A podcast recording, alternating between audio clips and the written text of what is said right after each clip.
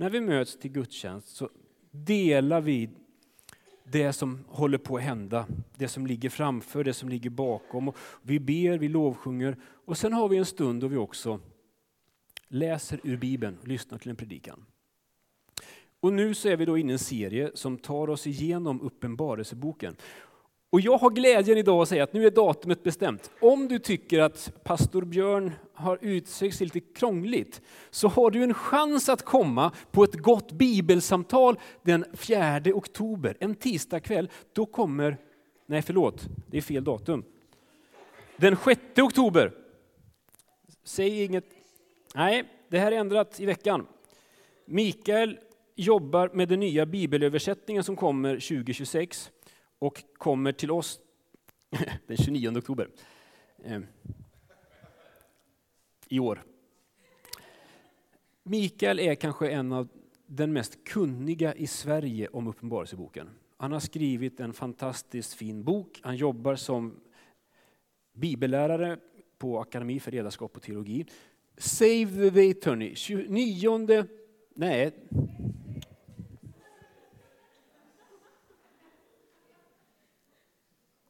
Så. Är vi överens nu?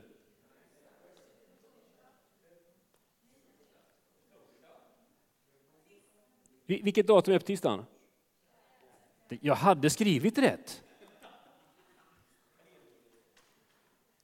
Vi är tillbaks.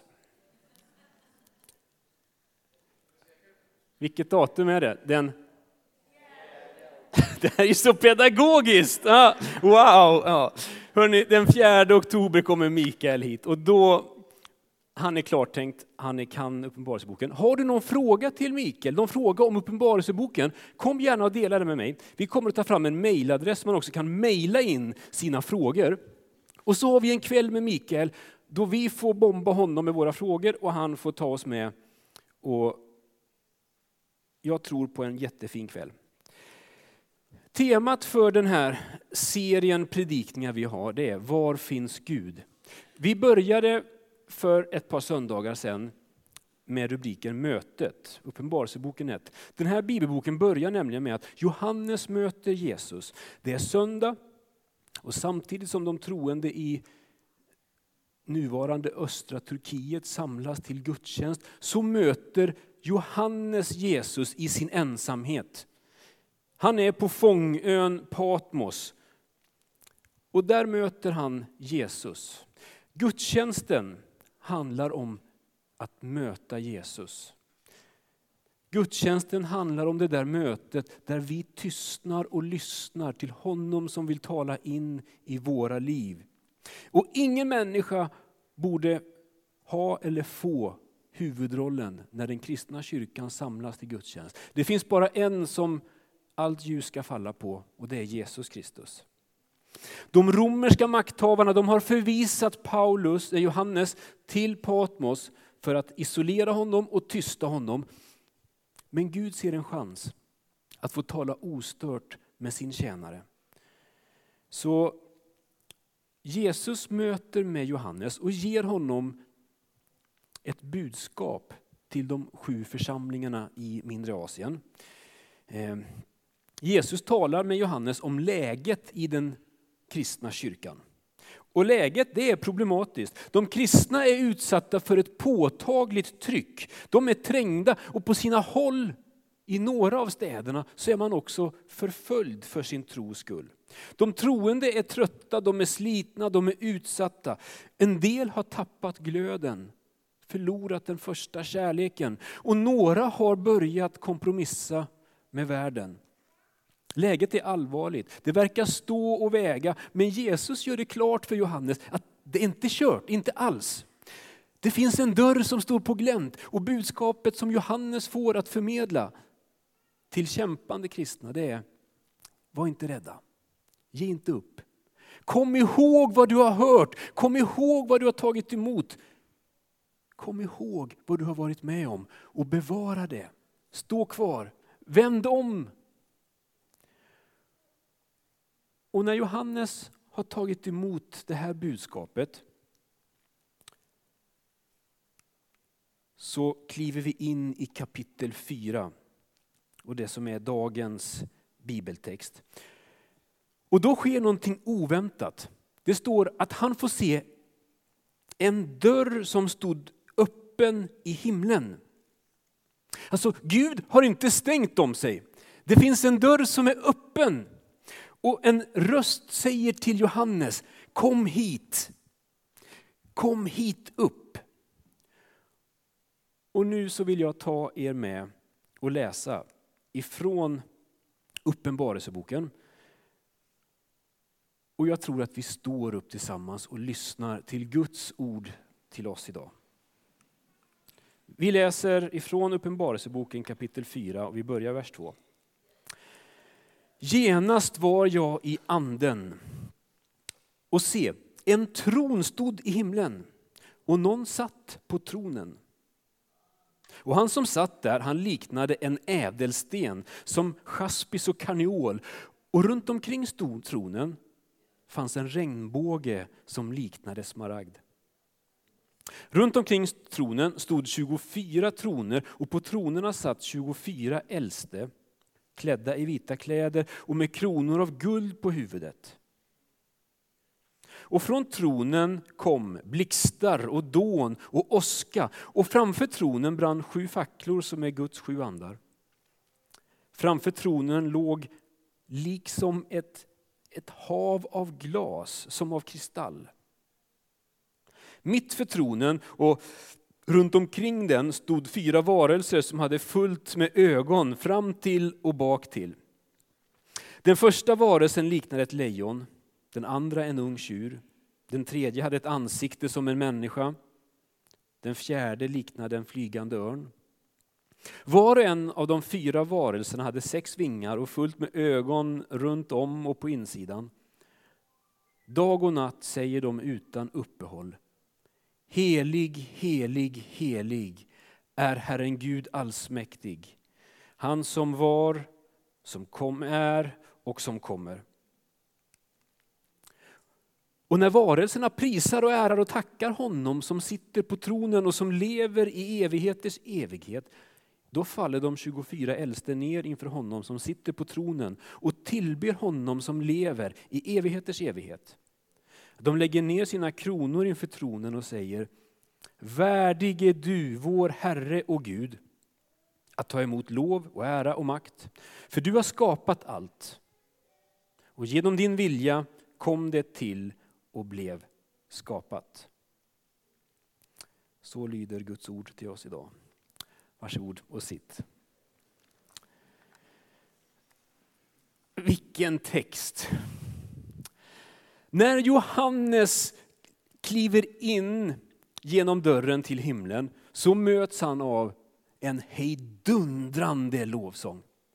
Alltså det är en stark och mäktig sång som bara sköljer över honom. Det är vad han möts av. När Johannes får blicka in i den himmelska världen så, så kommer han in i en intensiv, innerlig gudstjänst. Johannes kliver in i ett rum och i centrum av det här rummet så står det en tron. Eller hur? En tron stod i himlen och någon satt på den. Tronen har i alla tider tror jag också symboliserat makt. Den som sitter på tronen regerar. I Uppenbarelseboken så kommer vi att stöta på många troner. Vi har redan läst om Satans tron som var rest i Pergamon. Men i Uppenbarelseboken så finns det många referenser till troner. Det finns en tron i nästan alla kapitel. Men vad är det för tronsal som vi befinner oss i i kapitel 4. Och vilka är det som vi möter här? Det är ett antal märkliga varelser och figurer som Johannes liksom försöker beskriva.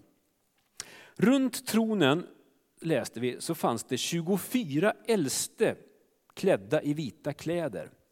Vilka är det? Och som vanligt när vi kommer till Uppenbarelseboken så har det genom kyrkans historia föreslagits olika förslag på tolkningar. En mycket vanlig tolkning är att de här 24 äldste representerar det samlade gudsfolket. De 12 patriarkerna från gamla testamentet och de 12 apostlarna från nya testamentet. Det samlade gudsfolket i alla tider. Sen finns det också, och följ med nu, bibelforskare som lyfter fram att den himmelska tronsalen, så som Johannes beskriver den, påminner till stora delar om kejsarens tronsal i Rom. Kejsaren i Rom, som var den tidens regent, som ville lägga jorden under sig, som hävdade sin makt över hela världen, omgavs av 24 livvakter som hade till uppgift att skydda kejsaren och att få alla som kom in i hans närhet att visa kejsaren vördnad och respekt. De romerska kejsarna de gjorde allt för att etablera sin makt. De gjorde allt för att slå vakt om den makten. Och deras maktanspråk kom över tid att eskalera. Och med tiden så krävde de inte bara lydnad utan också tillbedjan. Dominitianus, som är den kejsare som regerade när Uppenbarelseboken skrevs, han lät utropa sig som konungarnas konung. Universums upprätthållare. Han ville bli titulerad som Herre och Gud. Svetonius som är en romersk historiker, en väletablerad romersk författare och historiker. Han skriver så här, några år efter Dominitianus. När han, alltså Dominitianus, dikterade en skrivelse i prokuratorernas namn så började han på samma högmodiga sätt. Vår Herre och Gud befaller. Och därigenom uppkom seden sedan, seden ska det stå, att aldrig tilltala honom på något annat sätt, varken i skrift eller tal. Vår Herre och Gud. Det var Dominicianus anspråk. Mynt är intressanta, tycker historiker. Eh, mynt är nämligen dåtidens sätt att bedriva social media. Det fanns inga Instagram, fanns ingen Facebook, men alla hade något i fickan. Alla hade ett mynt som man tummade på, tittade på. Och kejsarna de nyttjade det här till max. De såg det här som en jättemöjlighet att förmedla sociala budskap.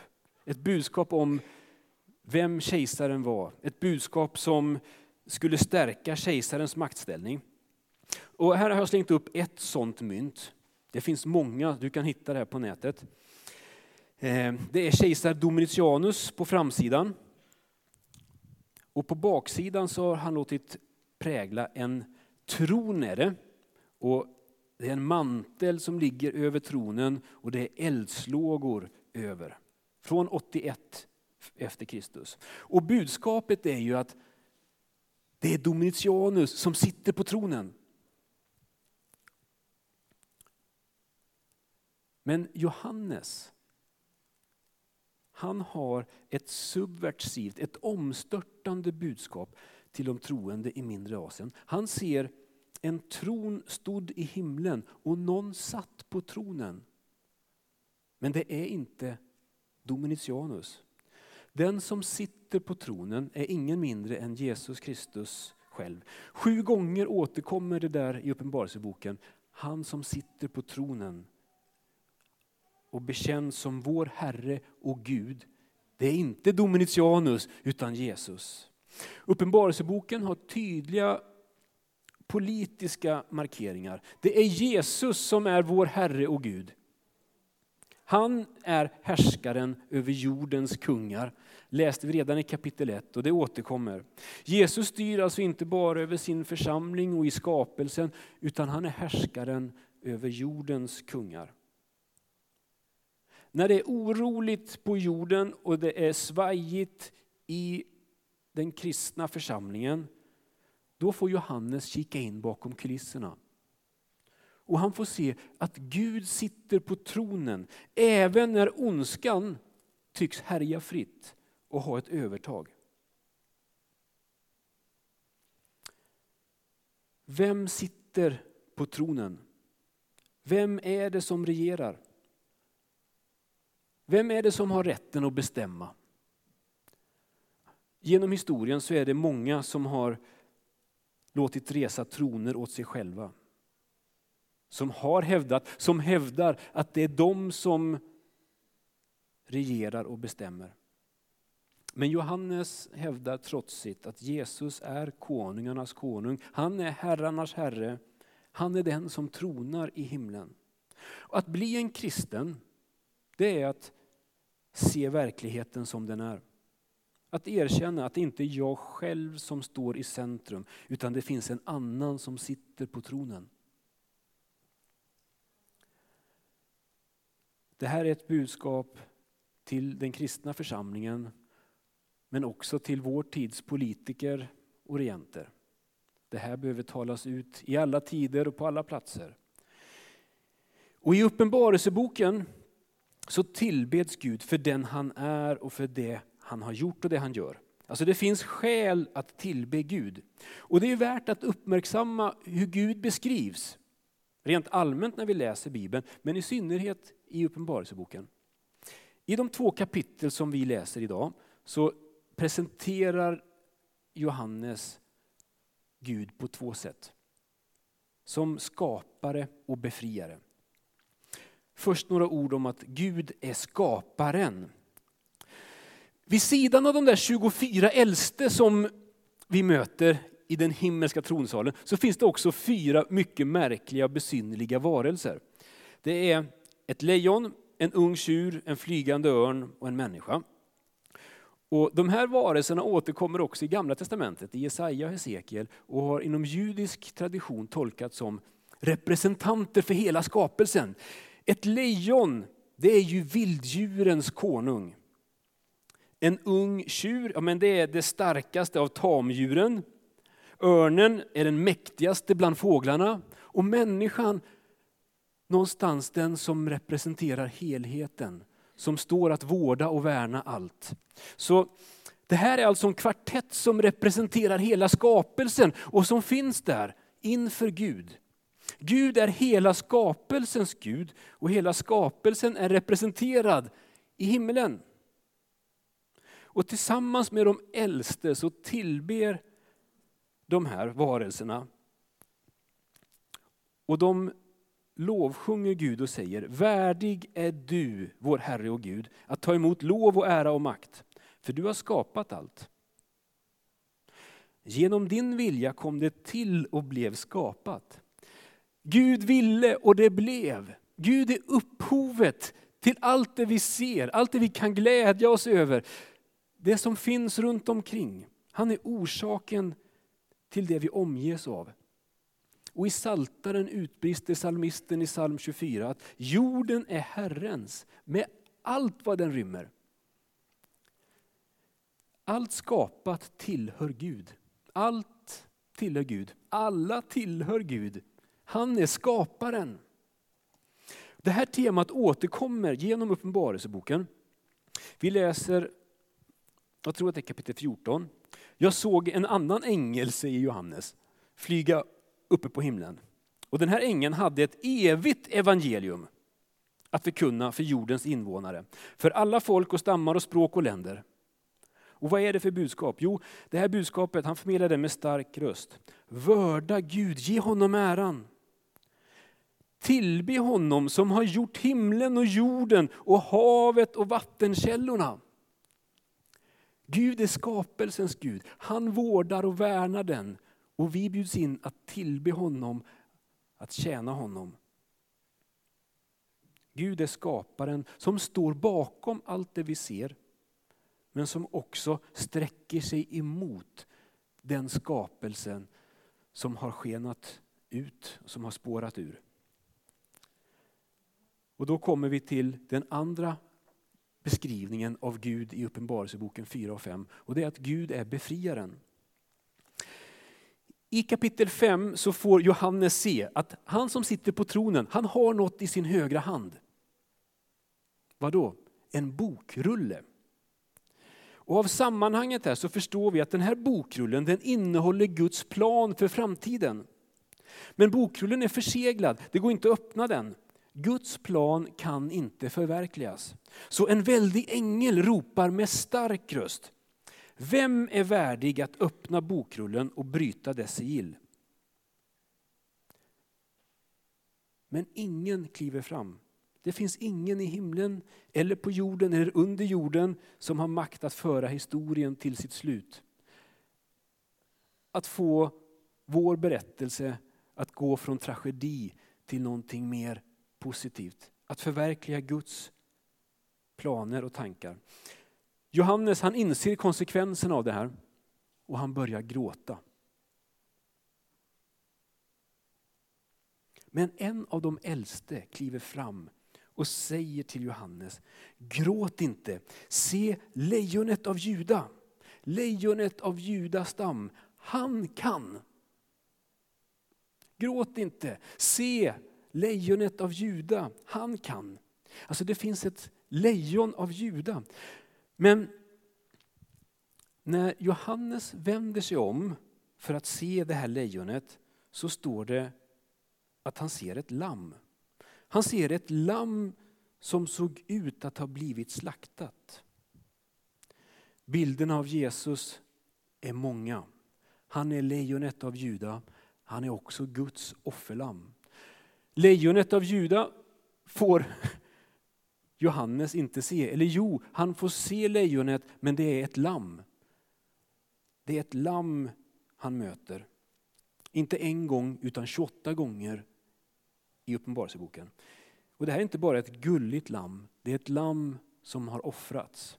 Så kommer Gud till vår och världens räddning. I inledningen av Johannes evangeliet så ropar Johannes döparen, se Guds lamm som tar bort världens synd. Lammet har kommit för att befria hela mänskligheten från ondskans makter till, och föra oss till friheten i Gud. Det är därför som Jesus lovsjungs. Du är värdig att ta bokrullen och bryta dess sigill, för du har blivit slaktad och med ditt blod har du friköpt människor åt Gud. Alltså, genom Jesu död på korset så har förutsättningarna för våra liv förändrats i grunden. Jesu död på korset har en helt avgörande roll. Nya testamentet är samstämmigt. Jesu död på korset spelar roll såväl för enskilda individer som för historien som helhet. Det är genom sin död på korset som Jesus befriar, friköper, upprättar. Och Gud agerar inte som vi väntat. Han handlar inte som den här världens härskare. Han kommer inte med maktmedel utan i ödmjukhet, i svaghet. Gud är skaparen och befriaren. Den som börjar och den som fullbordar och fullkomnar. Och Gud lider med den som lider. Han vet vad det är, han har själv sår. Han ser och han förstår. Och han kommer för att friköpa, för att befria och upprätta en sargad värld med en sargad skapelse. Det är lammet som är befriaren.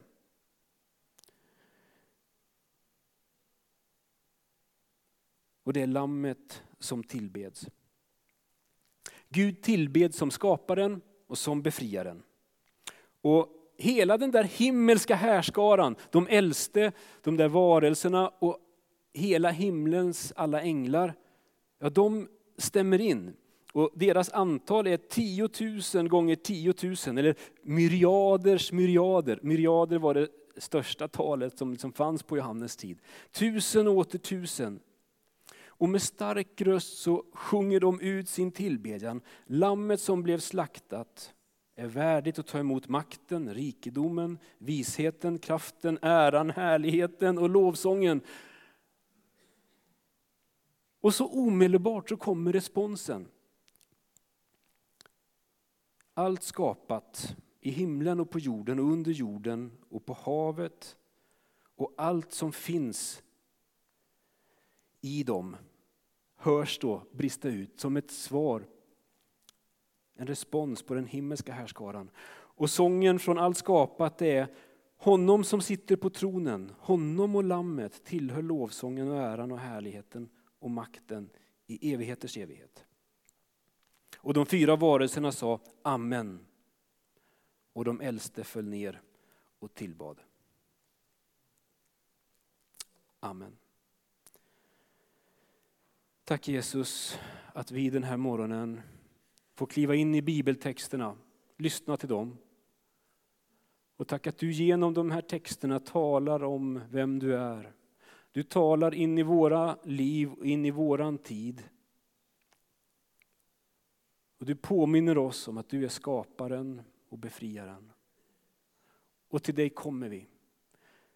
Du som i alla tider har vänt dig mot den mänsklighet du har skapat. Och även idag så dukar du upp ett bord. Du vill möta oss och mätta oss med ditt goda. Och för det så vill vi uttrycka våra tack. Amen.